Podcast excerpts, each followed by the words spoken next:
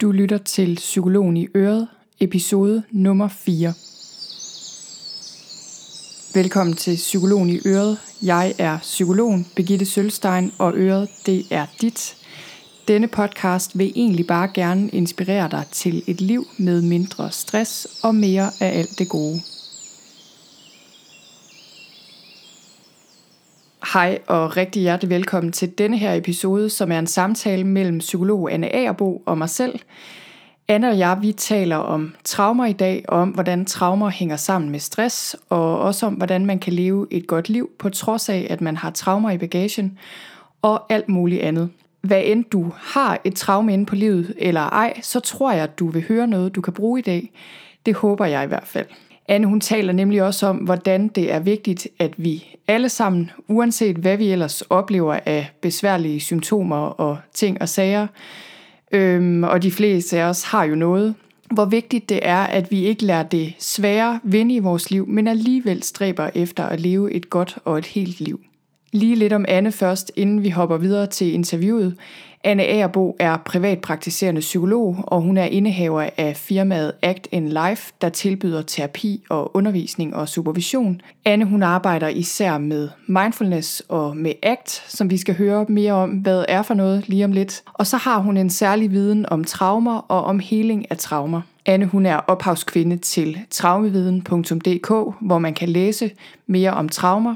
Og sidst men ikke mindst, så er Anne altså også forfatter til bogen Fra offer til overlever, Akt med traumer, som udkom tidligere på året i år, og den kommer vi også til at tale mere om.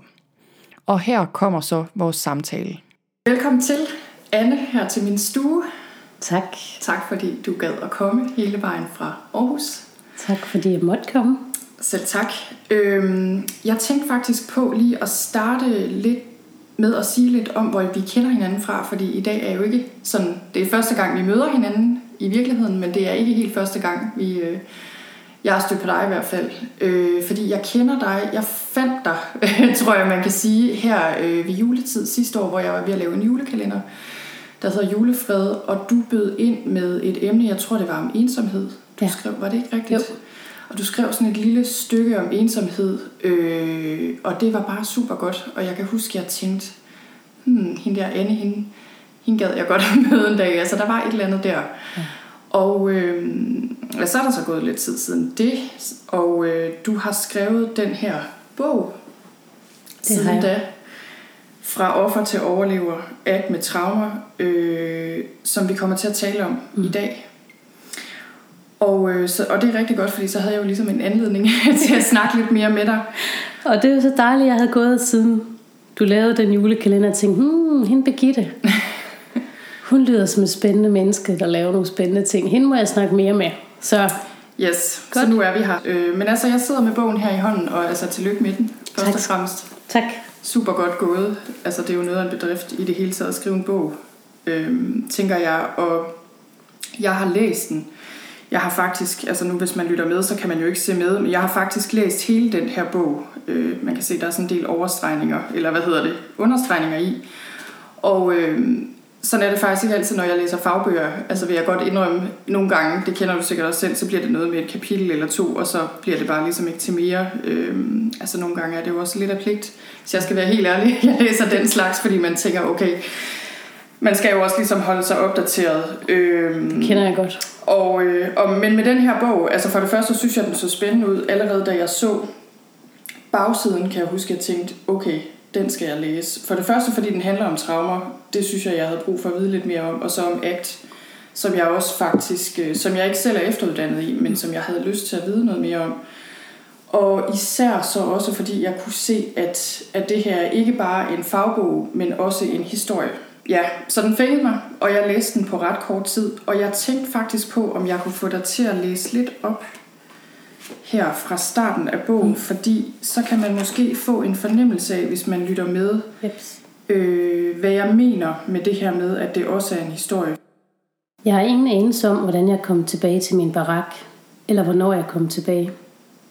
Jeg ved bare, at man ikke kan sidde på huk på den måde i særlig lang tid. Ham, der sad ved siden af mig, han havde fået samme straf, men var dømt til at sidde 24 timer. Han faldt om og var død. Jeg var bevidstløs og aner ikke, hvordan jeg kom tilbage til barakken. Jeg tror ikke, at Edvard hentede mig, for så havde han sagt det. Der var bare ingen, som fortalte mig, hvordan jeg kom tilbage til barakken. Men der er ingen tvivl om, at jeg har fået hjælp. Mit hoved var dobbelt så stort som sædvanligt. Jeg kunne ikke bade mit øje, for der var tyfus i vandet. Selvom jeg var i meget god fysisk form, så er der grænser for, hvad man kan. Men naturen er forunderlig. Det er ligesom om, at man kobler det hele fra. Farfar, som plejer at se stor og stærk ud, har ændret udtryk. Bjerget synes rystet af et fundament, som har slået revne. Hans vante fortæller tempo er afløst af tunge og langsomme ord. Tiden snegler sig afsted. Rummet fyldes af den særlige tåge, som en gang imellem lægger sig tæt om både hans og mit sind. Jeg trækker vejret dybt, og vi sidder længe i tavshed. Fornemmelsen af sofaens ryglæn minder os om forskellen på fortid og nutid. Farfar siger, at han bliver helt ør i hovedet, og jeg svarer, at det gør jeg også. Tak. Jeg har tænkt på, hvordan har det været at skrive sådan en bog som psykolog? Altså den nemme løsning ville jo nok være at skrive en hardcore yeah. faglig bog uden noget som helst yeah. personligt. Altså hvordan har det været? Var der nogle overvejelser, du gjorde dig inden, mm. og du ved, hvordan har det været? Jeg har været vildt bekymret for, hvordan det vil blive taget imod. Og som du siger, mm. så det letteste ville bare have været at skrive en ren fagfagbog. Men det, der bare var så vigtigt for mig med den her bog, det var at skrive, tale som et, først og fremmest som et menneske. Mm. Og prøve at fagne det almindelige menneskelige, at vi mennesker har det svært. Ja. Og vi har det svært med at have det svært. Mm. Så mit ønske var, at mennesket skulle træde frem først, og dernæst fagpersonen. Men hele tiden den der faglige analyse og teori og fremstilling skulle have fødderne meget, meget solidt plantet i menneskelig muld. Ved du, øh, altså det, det der du siger med, at du var bekymret, altså det kan jeg jo genkende til, og herinde vi, vi startede interviewet, snakkede vi også lidt om det, det der ja. med, hvordan det er at være psykolog, og så ligesom tage en del af, mm. af ens egen historie med ind i det arbejde, man laver, at det er lidt en kunst for det mm. første, øh, at finde ud af, hvordan man gør det ordentligt, men også, at det kan være lidt øh, angstprovokerende, og noget af det, vi, vi kan være bange for, er kritik fra kolleger, øh, hvilket ja. er lidt paradoxalt på en eller anden måde. Øh, men ved du, hvad det var specielt, der bekymrede dig over det? Jamen, altså, hvad der ligesom... Jeg havde tanker om, at folk ville synes, jeg var uprofessionel, mm. og ikke akademisk, mm-hmm. og at teorien ikke ville være tung nok, øh, ja. det ville ikke være kompliceret nok, det ville være forenklet, og at nogen ville synes, at det ville være sådan noget følelsesporno, mm-hmm. og, øh, og gøre det på den her måde her. Ja. Jeg synes, øh, altså jeg, jeg, det giver god mening, øh, og jeg synes, det er meget interessant jo. Mm. altså, at, at ja. det er sådan, man har det også som psykolog, og det er måske lidt det der med, øh, at man på en eller anden måde får lavet det der kunstige skæld mellem, mm. hvad det vil sige at være professionel og meget faglig og dygtig, eller hvad skal man sige, lave tingene øh, ordentligt, og så på den anden side være personlig. Ja. Altså jeg tror, øh, og det har jeg også selv arbejdet meget med, den der frygt for at være banal, eller det der med, at så er det et eller andet med, at øh, jamen, så bliver tingene overfladiske, eller som du selv siger, forenklet. Mm. Øh, og, på, og, og det, øh, det, det står så i modsætning mod noget, der ligesom er ordentligt. Øh, og, det, og det, altså som du også selv siger det der med, at du vil gerne tale som et menneske, og formidle det her med, at jamen, vi er mennesker, og vi er her ligesom sammen, og alle har det svært. Og man kan sige, det er jo det, øh, der også rammer. Det er også det, der rammer med din bog, og generelt tænker jeg, er noget af det, der rammer, og noget af det, der hjælper folk ja. i virkeligheden. Øh, det ved vi jo, det er. Så jeg synes, det er lidt sjovt, altså at vi som ja, ja. fagpersoner på en eller anden måde har så svært ved at komme lidt ud over den der barriere. Altså. Ja, enig, og jeg tænkte meget undervejs, at, at det er jo interessant, hvordan det var mig, der blev hæmmet af mine tanker, mm. og ikke kunne komme hen til computeren og skrive. Men min farfar, som fortæller, og får mareridt undervejs, mens han fortæller, øh, og får flashbacks, altså mm. genoplever pludselig nogle af episoderne fra lejren undervejs, men vi fortæller. Han havde aldrig den type. Nej. Han vidste, at det her var vigtigt for ham at give videre, og det var jo også måske det, jeg kom i kontakt med, ikke? at jeg kunne enten så kunne have valgt at gå med tanken om alle de bekymringer, vi lige har talt om nu, mm. eller jeg kunne vælge at se, hvad er det egentlig inde i mit faghjerte og mit andet hjerte, ja. at jeg gerne vil bidrage med. Ja, ja. Og det er jo rigtig godt, altså at du kom så langt, at du fik den skrevet. Måske skal vi øh, starte med det her, øh, med lidt basics omkring mm. det her med traumer. Altså det her med, noget, noget af det, jeg synes er rigtig godt i din bog faktisk, er, at man virkelig får en god grundviden om traumer. Øh, også som psykolog for den sags skyld. Altså selvom jeg selvfølgelig har læst om traumer før, så kan jeg rigtig godt lide den der sådan, at man får øh, sådan et grundris mm. af, hvad det overhovedet er, vi snakker om. Men for folk, der lytter med, kan du prøve at sige, altså uden at skulle gå super meget i detaljer eller give alle symptomer eller noget, altså hvad, hvad er det, vi mener, når vi siger et traume? Hvad er et traume overhovedet for noget? Når vi snakker om traume, så tror jeg, at man måske bedst kan beskrive det eller tænke det som et, et psykologisk sår, man har fået, som er skabt af noget udefra kommende. Og det udefra kommende kan så være alt fra at have været i krig til at opleve voldtægt, til at være udsat for øh, et overfald på arbejdet, længerevarende mobning. En situation, hvor man har oplevet at blive behandlet som et objekt, eller blive krænket, blive overfaldet, og uden at have kontrol. En mm. situation, hændelse, som har indeholdt massiv angst. Ja. Og på baggrund af den, så kommer der så nogle symptomer. Altså for ja. nogle mennesker, fordi jeg tænker, der er jo ingen mennesker, der går igennem livet uden at opleve voldsomme ting.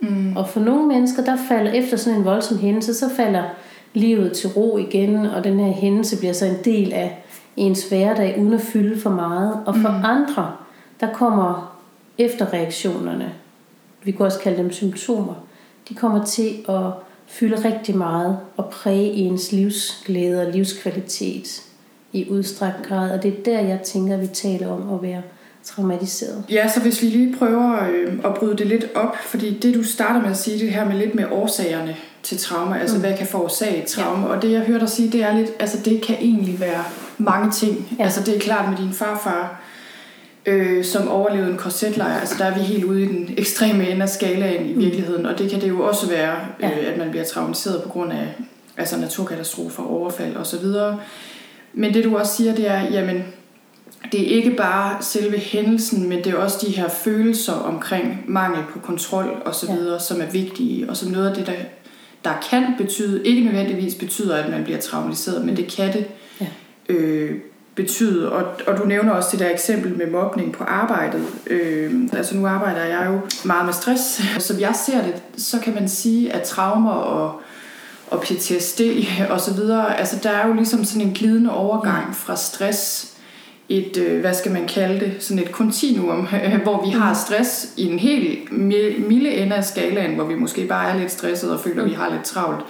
Og så kan vi komme over i altså, lidt mere hardcore stress, hvor vi er seriøst belastet, og så kommer vi helt ud i traumatiseringen. Øhm, og noget af det, jeg kom til at tænke på faktisk, før du kom i dag, det, øh, er, jeg ved ikke om du kender Nadia Pretorius, hun har skrevet den her bog, der hedder Stress til moderne traume. Mm. Og, øh, og hun, det hun gjorde med sin bog, det var jo det der med at sige, jamen prøv at høre, de her mennesker, der er ramt af alvorlig stress, arbejdsrelateret stress, de udviser faktisk mm. symptomer øh, på traumatisering. Altså de er traumatiseret. Og hun opstillede en dag en diagnose, nu kan jeg ikke huske, hvad hun kaldte den. Øh, men jeg synes bare, det er meget interessant ligesom at have det aspekt med. Øh. Ja, så vi også får åbnet op for få den brede, en bred forståelse af, hvad det vil sige at være traumatiseret, så vi ikke ja. sådan i gamle dage, som vi gjorde i gamle dage, tænkte om det, at kun hvis man har været udsat for noget virkelig voldsomt, som en korsetlejr, så kan man være traumatiseret. Ja. Fordi det, jeg tænker, der ligger i det, der kan være vigtigt, det er netop det her med, at i og med, at vi taler om, at der er en hændelse, som har udløst en traumatisk reaktion, så har vi fokus på hændelsen. Ja. Frem for at vi ryger ud i, nu skal vi også til at blive lidt mere tilpasningsdygtige, eller lidt mere robuste, eller alt muligt andet. Det tænker jeg bare er utrolig vigtigt ja. at have fokus på. Ja, også fordi jeg tænker nogle gange, altså hvis man sidder i den situation selv, at man er, altså har symptomer, eller man er traumatiseret, mm Øh, nogle gange kan der selvfølgelig være en årsag, som er meget øh, tydelig. Ja. Altså har man været i krig eller et eller andet, mm. ikke oplevet noget meget voldsomt. Men andre gange kan man måske være i en situation, hvor man har lidt svært ved at forstå, hvorfor man reagerer, som man reagerer. Fordi der ikke mm. er den der kæmpemæssige, ja. voldsomme hændelse. Øh, og derfor tror jeg, det er rigtig vigtigt at, at, vide det her med, jamen traumatisering, der er ligesom Øh, det er mere kompliceret end som så. Ja. Øh, så et er, at årsagen kan være store, små ting, alle mulige ting. Altså det kan jo også være belastning over tid, mm. tænker jeg. Små Ja. belastninger over tid, som ligesom får bære til at flyde over. Så siger du så også det her med, at man kan være øh, sårbar, eller nu kan jeg ikke lige huske, hvad du, hvordan du formulerede det, ligesom være disponeret øh, for det. Mm. Kan du sige lidt mere om det? Man, man taler om, at der er en, noget, der tyder på, og det her det ved vi faktisk ikke alt om endnu. Vi er langt fra at vide alt om det. Men noget tyder på, at der kan være en vis genetisk sårbarhed for at reagere øh, mm. med PTSD.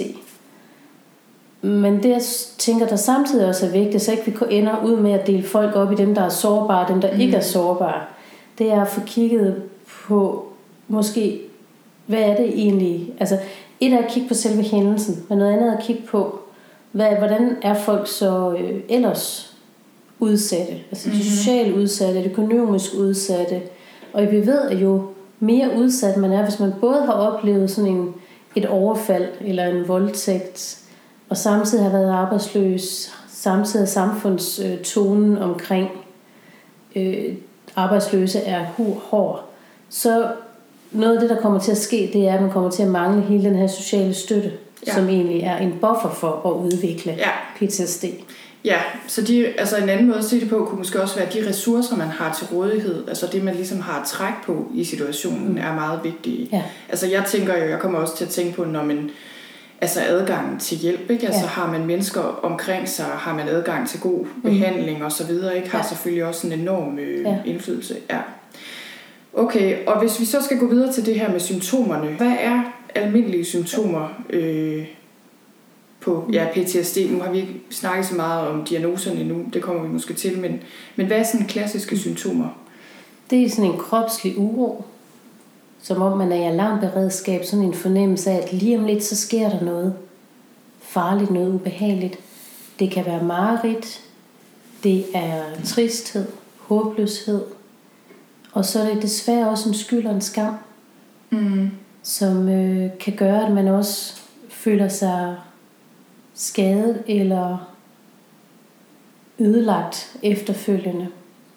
Det er undgåelse af alt, hvad der minder om selve hændelsen. Så hvis man har været udsat for noget voldsomt på sit arbejde, så går man måske en anden vej Mm. ned til toget, Mm. i stedet for at gå forbi arbejdspladsen. Det kan være lyde, det kan være øh, dufte, der pludselig trigger, udløser, at man oplever selve hændelsen igen. Så jeg kan sidde her, og pludselig så kan der være en duft, og så er jeg tilbage på slagmarken, eller tilbage i øh, den voldelige relation, eller jeg kan høre nogen le, og så sidder jeg pludselig tilbage, oplevelsesmæssigt tilbage i øh, personalerummet og udsat, genoplever øh, den Ja. mobning, jeg måske har været udsat for, fordi netop genoplevelse er et af de klassiske Ja. Ja, okay. symptomer på traumer eller efterreaktioner. Og ja, og jeg kommer også til at tænke på, altså nogle af de symptomer, du nævner, altså det er det der med, at øh, ved trauma er det tit ligesom kroppen, der reagerer, og kroppen, der husker. Ja. Og, øh, og jeg tænker, at tit er det ikke, altså det er det, det er det sikkert tit, det ved du mere om, end jeg gør, at det, men det er ikke altid, vi har måske bevidste erindringer, at vi kan tænke tilbage på noget specifikt, men at vi har, men at, at kroppen husker et eller andet, Ja. uden at vi måske selv præcis ved, hvad det er, eller kan huske, hvad det er. Så, så vi kan måske gå på gaden, og så begynder vi pludselig overvældet af angst, vi begynder at ryste, og det sortner for øjnene, vi bliver anspændt for ondt i maven, uden at forstå, Ja. hvorfor. Ja. Og den menneskelige psyke er desværre så bare indrettet sådan, at så er det sådan en nærliggende tanke at begynde at tænke, ej, nu skal jeg også tage mig sammen. Hvorfor er jeg bange for det? Der er jo ikke noget at være bange Ja. for. Altså det er sådan den rationelle Ja, del af hjernen, der kommer op Ja. der. Ja. Vi havde lige, øh, nu ved jeg ikke lige, hvor den var, men en bog, ja, vi lige snakkede om, det var den her af Levin, traumahukommelse, Ja. der faktisk handler rigtig meget om det her med, også hvordan hukommelsen er inddelt, øh, og hvad det betyder for traumer. Altså det er meget interessant. Jeg tror, det kan være, vi kommer til at snakke Ja. om det lidt senere igen. Ja, hvor netop en, en, en fantastisk god bog, hvor netop også det, han jo skriver om, at der er noget, vi husker, vi kan genkalde os, og så er der noget, hvor kroppen bare reagerer helt automatisk, fordi kroppen holder på ja. nogle oplevelser. Ja, altså det synes jeg i hvert fald øh, også personligt er rigtig godt at vide. Fordi jeg har jo også, øh, altså jeg har for eksempel haft en masse oplevelser med indlæggelser med et af mine børn, som har været meget voldsomme. Og det er klart, altså det har ligesom sat sig også, så nogle gange, hvis jeg ser en ambulance, det er ikke altid, men det kan godt ske, at jeg kan få det dårligt. Altså, og igen, så er det jo ikke fordi, jeg sådan lige kan pege på en specifik øh, situation mm. med en ambulance. Altså det er ikke på den måde, vel? Men åbenbart så går min krop ligesom i gang, ja. fordi den for, så forbinder det med et eller andet, med noget med den der ambulance. Ikke? Øh, så jeg tænker bare, det er rigtig godt. Øh, jeg tænker, det kan være rigtig godt at vide det der med, at det er altså sådan, det fungerer. Det er ikke altid, vi kan finde en logisk årsag til. Og der er ikke noget galt med os, fordi vores krop bliver ved med at gøre det. Ja. Det er simpelthen bare, fordi kroppen husker noget, ja. som, øh, som vi ikke nødvendigvis har præcise ord for, eller kan henvise en bestemt dato, ja. eller en bestemt indlæggelse. Ja. Og det minder mig faktisk om, det du lige siger det der med, det er, at der ikke er noget galt med os. Det kommer det får mig til at tænke på noget, jeg læste i forordet. Nu skal jeg lige finde det her, som jeg synes øh, var rigtig vigtigt. Øh, der skriver du, uanset hvad vi har med os i bagagen, er vi intakte, betydningsfulde og hele mennesker. Øh, og lige da jeg læste det, altså det er lige her i begyndelsen af mm. bogen, der tænkte jeg bare, Yes. altså for det første, så kunne jeg genkende det, du ved. Jeg tænkte, ja, altså det er virkelig sandt, at uanset hvad vi øh, fejler, du ved, eller uanset hvad vi ligesom oplever af symptomer, så er vi stadig hele mennesker.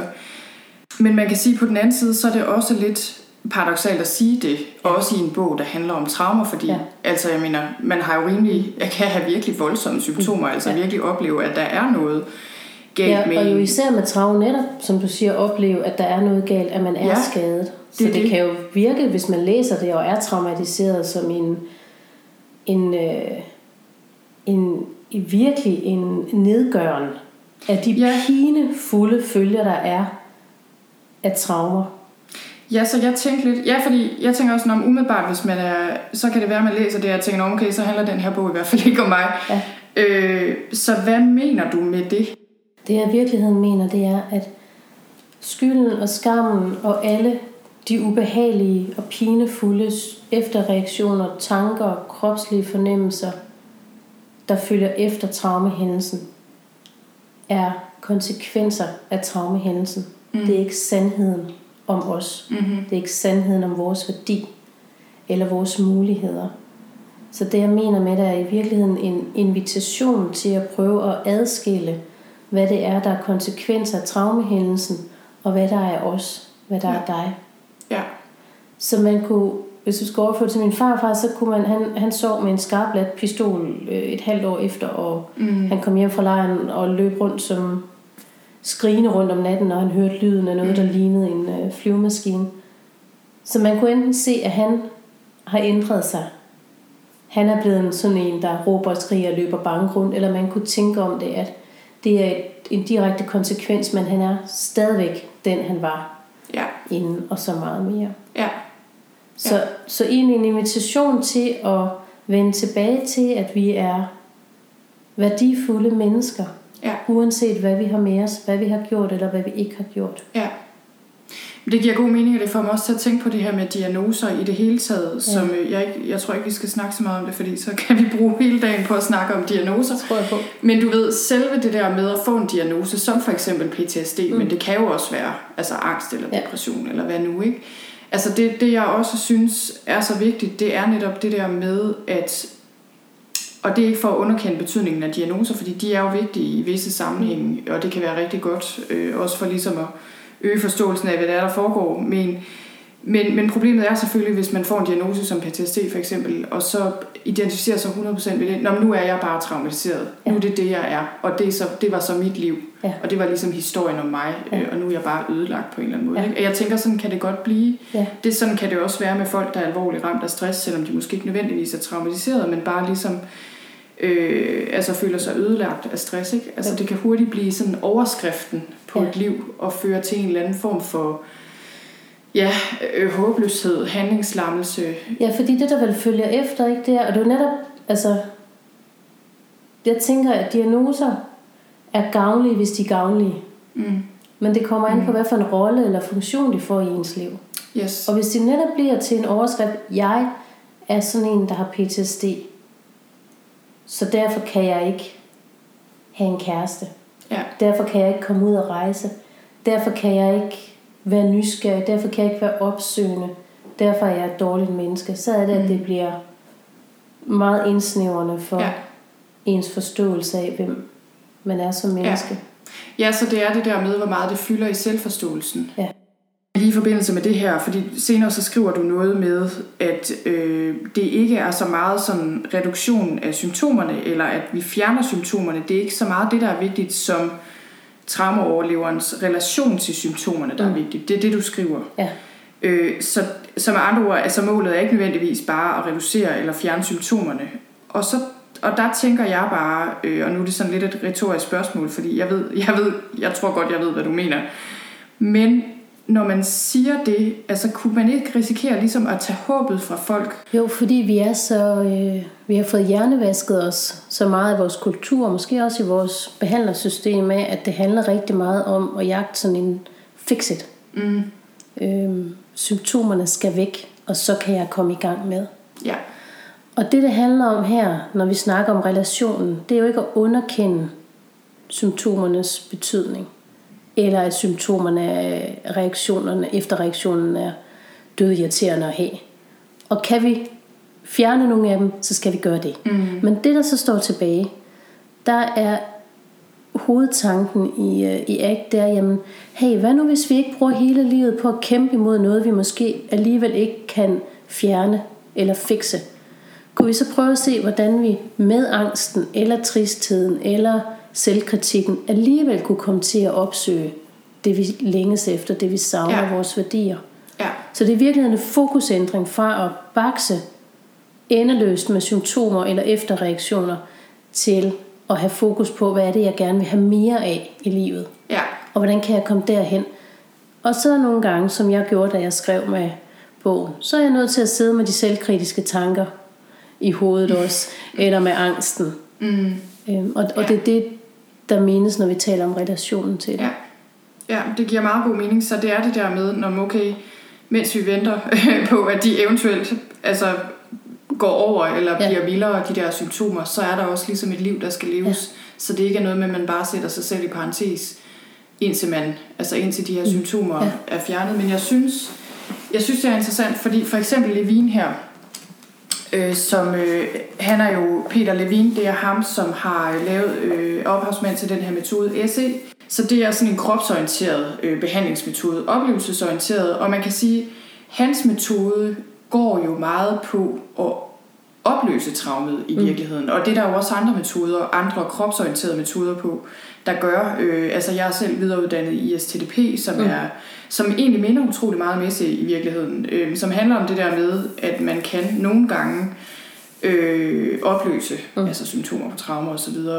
Hvordan hænger den slags metoder sammen med ACT?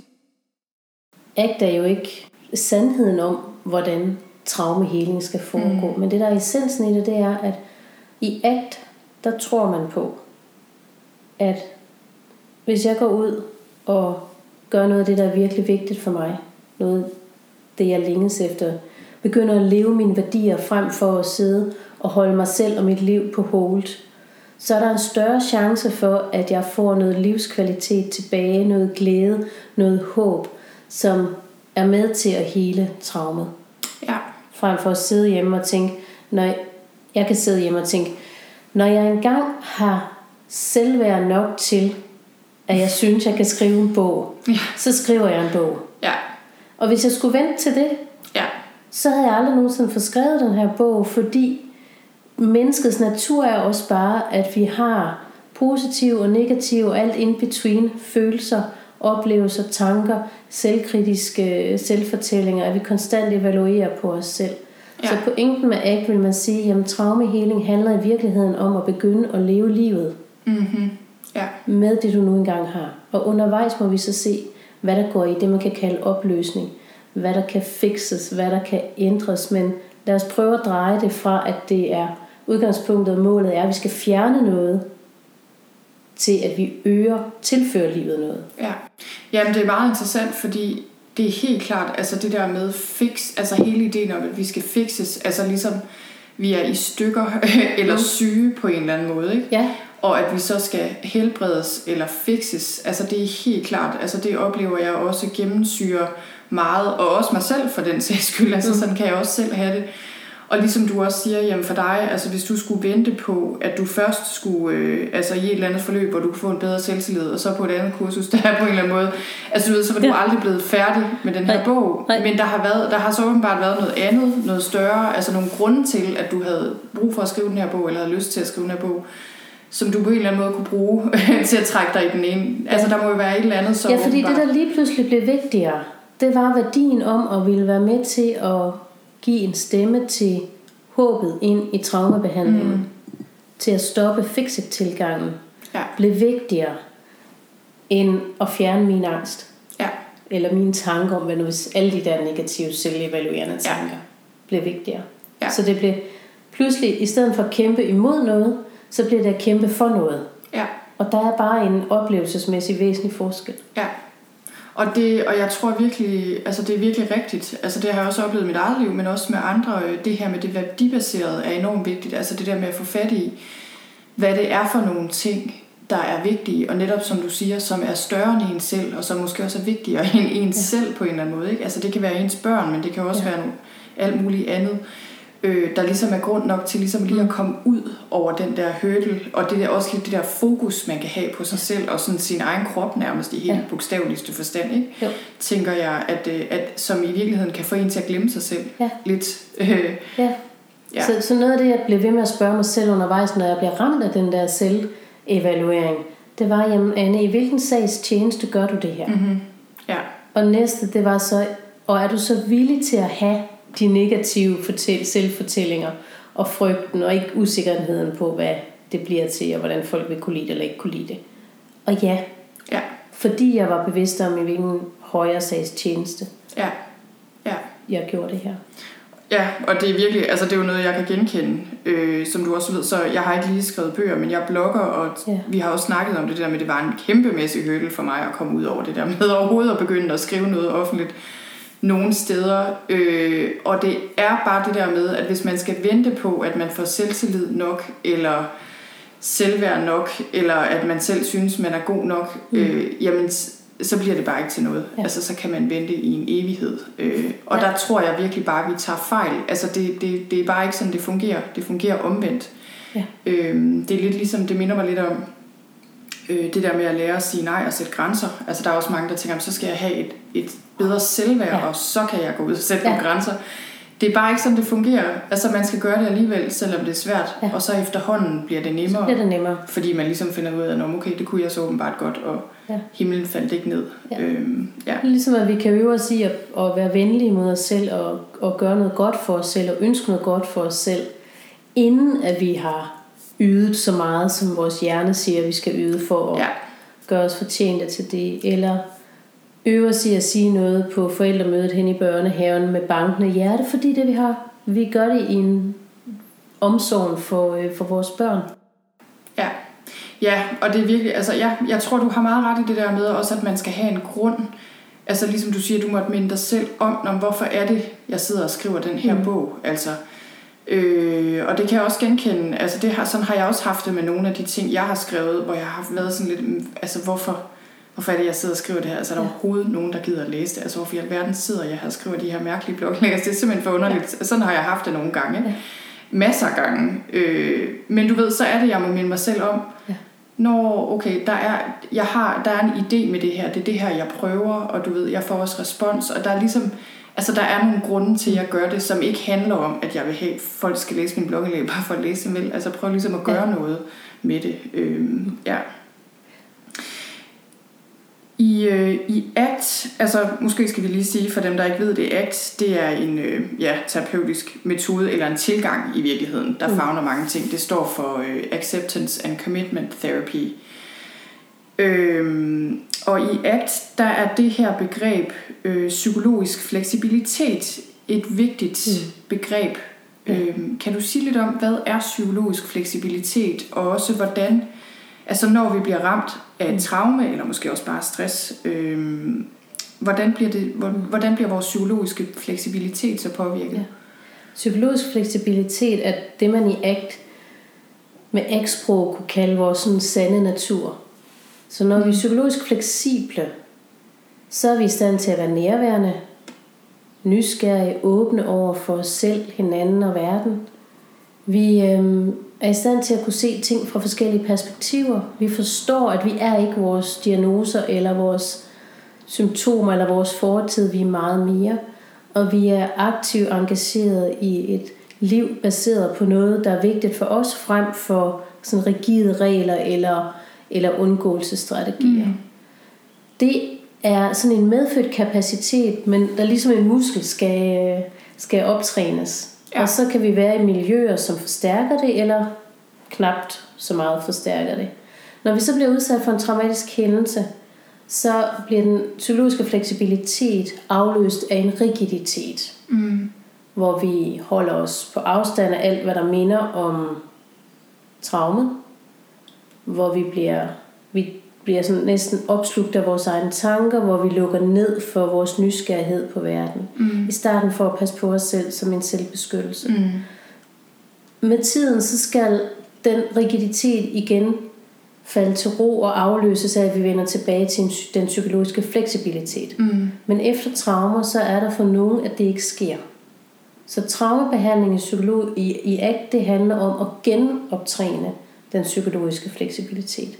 Okay, så man ligesom på en måde fryser lidt? Ja, altså, kunne man godt kalde det, ja. Så du siger, at når, okay, det er selvfølgelig naturligt igennem et liv at bevæge sig lidt en gang imellem og ja. altså opleve noget frygt eller sidde ja. lidt fast. Jamen det er godt men, udtryk. Men at man fryser fast i den der ja. frygt eller Ja, man fryser fast i frygten. Man fryser fast i at spekulere og bekymre sig om, hvad der skal ske i morgen og fremtiden, eller spekulere og gruble over fortiden. Ja. Man fryser fast i sådan en undgåelse, hvor man ikke man holder, lukker helt ned for sin nysgerrighed, sin åbenhed for verden. Man fryser fast i nogle negative tanker og selvfortællinger omkring sig selv og mistillid til verden, mm. håbløshed. Og så bliver man inaktiv eller impulsiv, fordi man også får fjernet sig for meget fra, øh, fra ens værdier, og, og hverdagen kommer i stedet for til at handle om at kæmpe ja. Mod ens symptomer. Ja, og det vil også her, altså jeg tænker sådan noget som misbrug kommer ind i billedet tit. Præcis. Hvad man så end bruger til at ja. kæmpe mod ting og sager. Præcis. Der kan man jo bruge hvad som helst nærmest. Ja, fordi misbrug, cutting, øh, shopping. Ja, overarbejde. Overarbejde. overtræning. øh, overtræning, isoleren sig. Alt sammen jo handler om at dulme noget, ja. som man ikke har lyst til ja. at, at mærke. Kom væk fra, hvordan man har det. Præcis. Ja. Øhm, ja, og, jeg, og det jeg også kom til at tænke på, altså det er vel også altså psykologisk fleksibilitet. Jeg kommer også lidt til at tænke på, til, på det som sådan en fysisk ting. Altså sådan ja. lidt en, at man kan forestille sig, at når man, det fysiske modsvar på psykologisk fleksibilitet, det er at have en krop, der er mm. rimelig stærk og sund og fleksibel ja. i, i bogstaveligste ja. forstand. Men det, der så sker, når man er traumatiseret, eller bare altså, mm. mere eller mindre traumatiseret, det er det der med, at kroppen ligesom mm. fryser fast også, ja. eller hvad? Ja, præcis, og vi kender det jo måske fra, at, at når vi er i stressede situationer, når vi er angste, når vi er presset, så spænder vi op og får ondt i hovedet mm. og ondt i skuldrene, og kroppen bliver helt stiv. Men ja. når vi kan tør, altså gå en tur i skoven og virkelig mærke det der er at mærke duftene ja. og lydene og, og fornemmelsen af måske at gå med bare tæer på græs, altså så påvirker det jo ikke kun vores hoved, det påvirker også vores krop, fordi vi jo er hele mennesker. Ja. Så man kan se den fleksibiliteten som noget, der kommer til udtryk både i vores krop, i vores relationer, fordi vi kan være nærværende, i vores evne til at møde os selv ja. med åbenhed og venlighed og tålmodighed. Ja. At vi ikke tror på alt, hvad vi tænker. Ja. Og at vi også kan se os selv fra forskellige perspektiver, dermed også kan se til andre fra forskellige perspektiver. Så empatien mm. og medfølelsen er også en del af den psykologiske fleksibilitet. Ja. Og så er der hele det med at være engageret i et liv, mm. hvor vi gør noget, som, som ligger os på hjertet. Ja.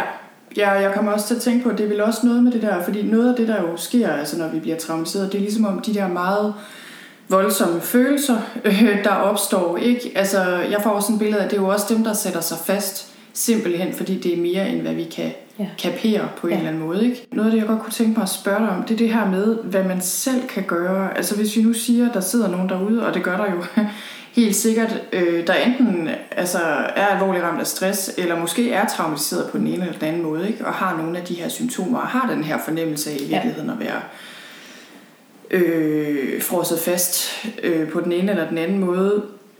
Er der noget, man selv kan gøre? Jeg er helt med på, og det er du også, og det er vi jo alle sammen, mm. at det er klart, at hvis man har det rigtig skidt, så skal man opsøge behandling og gå til sin læge og alt det der. Det siger sig selv.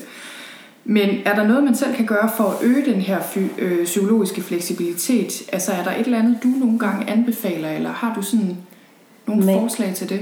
Ja, man, altså man kunne starte med at prøve at ture være lidt venlig mm. imod sig selv. Og lidt tålmodig. Okay. Hånden på hjertet og ønske noget godt for en selv. Ja, så hvordan vil du gøre det i praksis? Jeg vil simpelthen, jeg vil sætte mig, og så vil jeg lægge min hånd på hjertet. Okay. Og så vil jeg sige, okay, det er svært lige nu. Mm. Hvor jeg ønsker for dig, at du kan føle dig sikker. Ja. Hvor jeg ønsker for dig, at du kan acceptere dig selv. Hvor jeg ønsker for dig, at du kan føle dig tryg.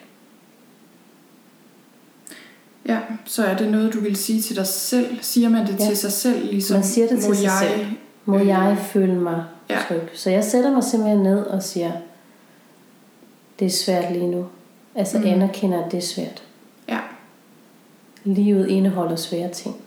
Mm. En anerkendelse af, at det er en del af livet. Ja. Og så sender jeg nogle gode ønsker. Må, du, må jeg føle mig tryg? Ja. Må jeg føle mig sikker? Ja. Må jeg acceptere mig selv? Må jeg være venlig mod mig selv? Ja.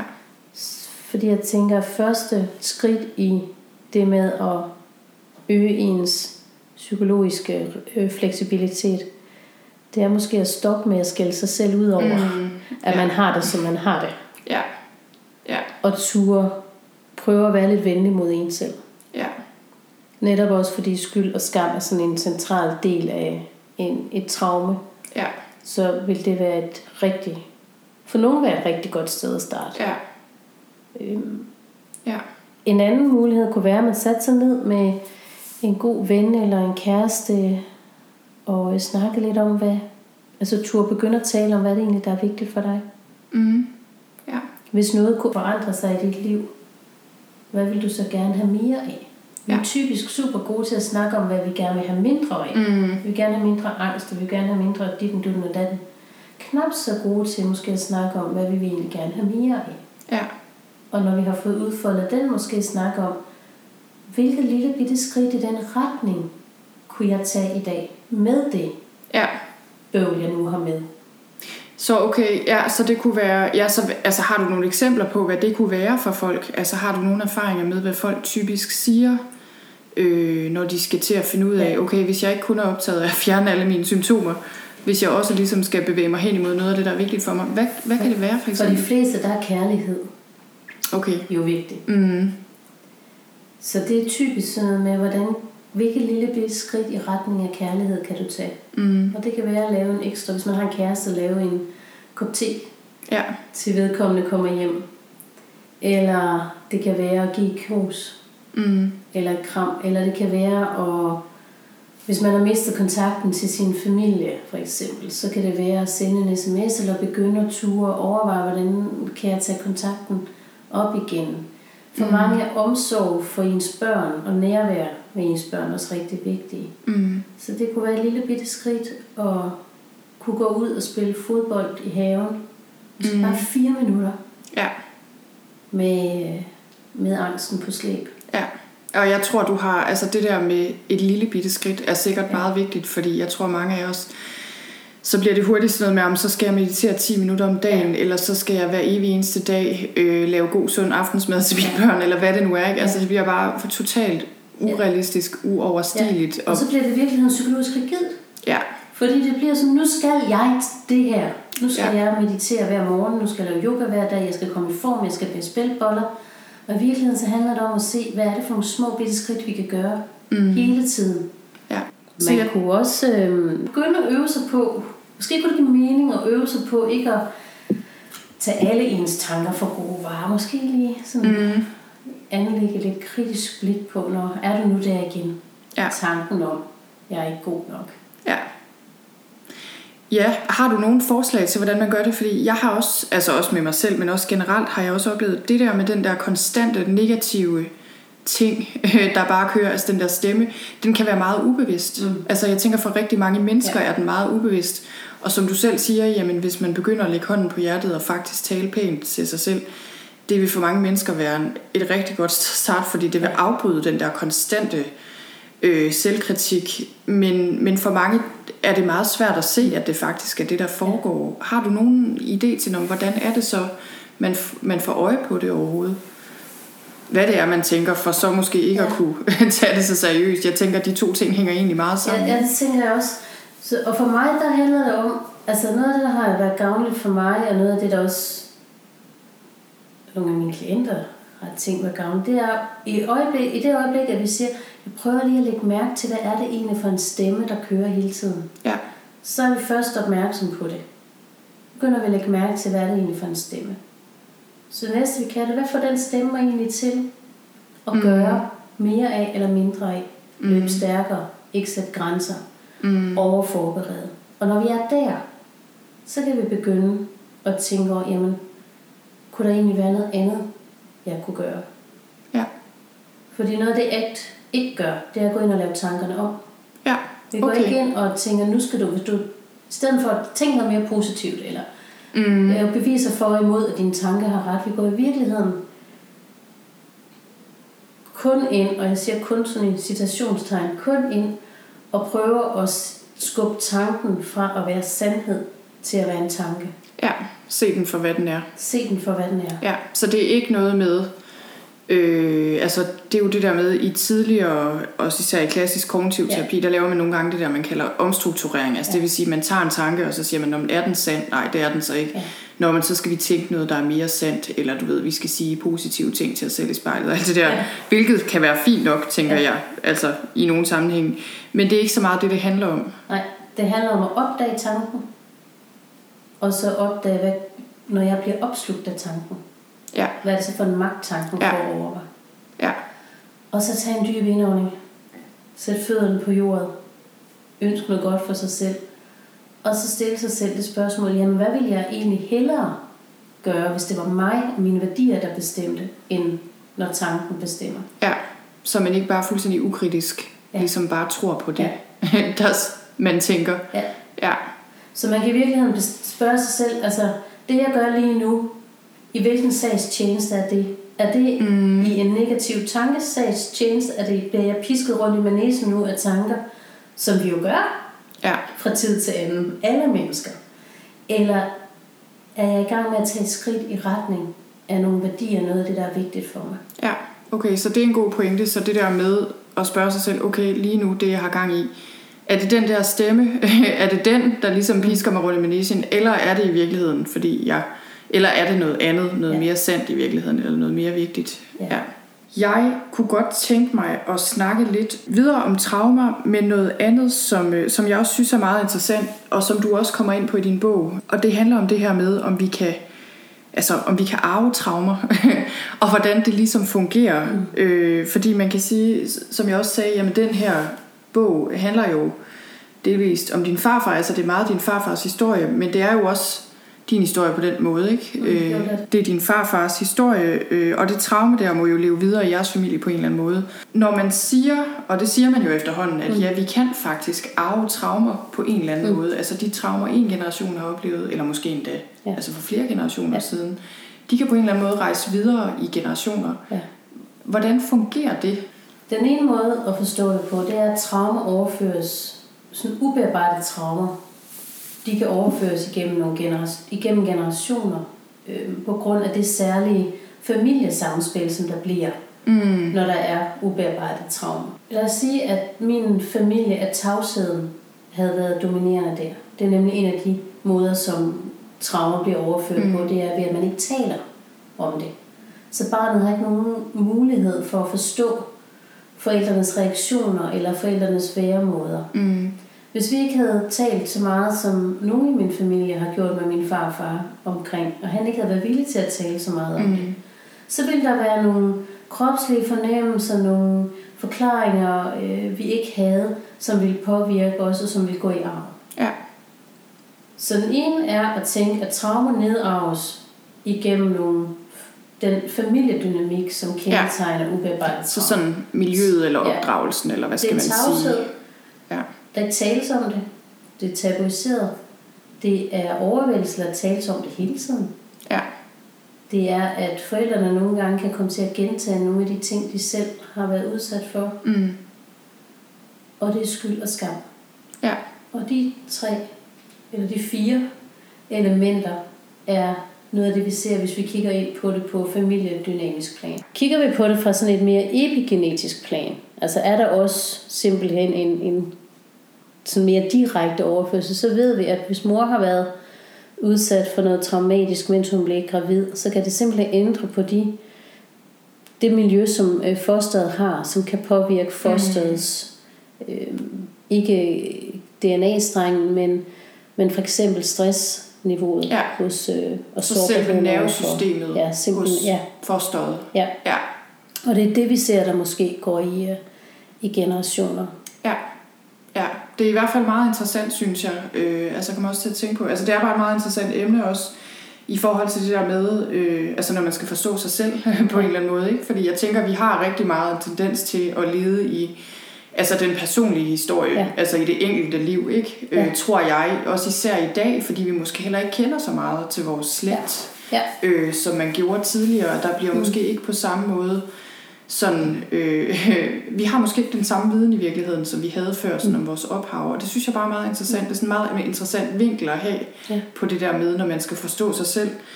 Øh, jeg kom lige til at tænke på noget, jeg hørte for nylig en, øh, du ved, det var sådan en australsk, hvad hedder de, aborigine, de Mm. der indfødte Ja. i Australien. Han sagde til en eller anden forsker, sagde han, øh, om vores unge her i Vesten. Han sagde, det er et problem, at I ikke fortæller jeres unge deres historie, fordi Ja. de skal kende deres historie, ellers ved de ikke, hvem de er. Præcis. Og det synes jeg virkelig, det slog mig virkelig sådan, jeg tænkte, ja, det, det, er vir- det er faktisk rigtigt. Ja. Altså der mangler ligesom en brik, Ja. Hvis vi ikke får at vide, hvor, hvor vi er fra. Ja. Også sådan flere generationer Ja. tilbage. Så vi kan forstå, fordi jeg tænker, noget af det, vi jo, der også gør, det er jo selvfortællinger, der har måske gået i arv i generationer, men det er også styrker og udfordringer. Det er, hvad er det for nogle følelser, vi ikke taler om? Mm. Hvad er det for nogle følelser, vi taler om? Hvad, noget af det, man har fundet i, øh, i forskningen fra holocaust-forskningen, hvor man har forsket i fire generationer, er noget af det, der bliver nedarvet. Det er sådan en, en frygt for adskillelse. Og hvis ja. Man ikke kender til sine rødder, Mm-hmm. så forstår man jo ikke, at det giver virkelig god mening i et historisk generationsperspektiv. Ja. Og så kommer man til at henføre det til sig selv, og det er også min skyld, og nu skal jeg også bare tage mig sammen og holde op. Ja. med at være bange for at være alene. Ja. Ja, jeg skal også bare meditere noget mere, eller, og det skal man sikkert også. Men, Ja. men øh, det tror jeg simpelthen, jeg vil øh, være de sidste ord her for i dag. Tusind tak, fordi du kom. Dejligt at, Det var være- rigtig spændende. Dejligt at være her. Tusind tak, fordi du lyttede med i dag. Jeg håber, du fik noget med dig. Det gjorde jeg i hvert fald selv af min snak med Anne. Det her med at leve livet inklusive symptomer på traumer eller stress eller depression eller noget andet, altså med tryk på at leve livet øh, med det, vi nu engang har med os, og på trods af det hele, det tror jeg er rigtig vigtigt for os alle sammen, både i det store og det små. Det var alt for i dag. Husk, at du kan finde noterne til denne her episode på sølvstein.dk-4. Hvis du vil vide mere om Anne Aarbo, så kan du finde hende på actinlife.dk, og du kan også læse mere om traumer på traumeviden.dk. Ha' det godt, til vi høres ved igen.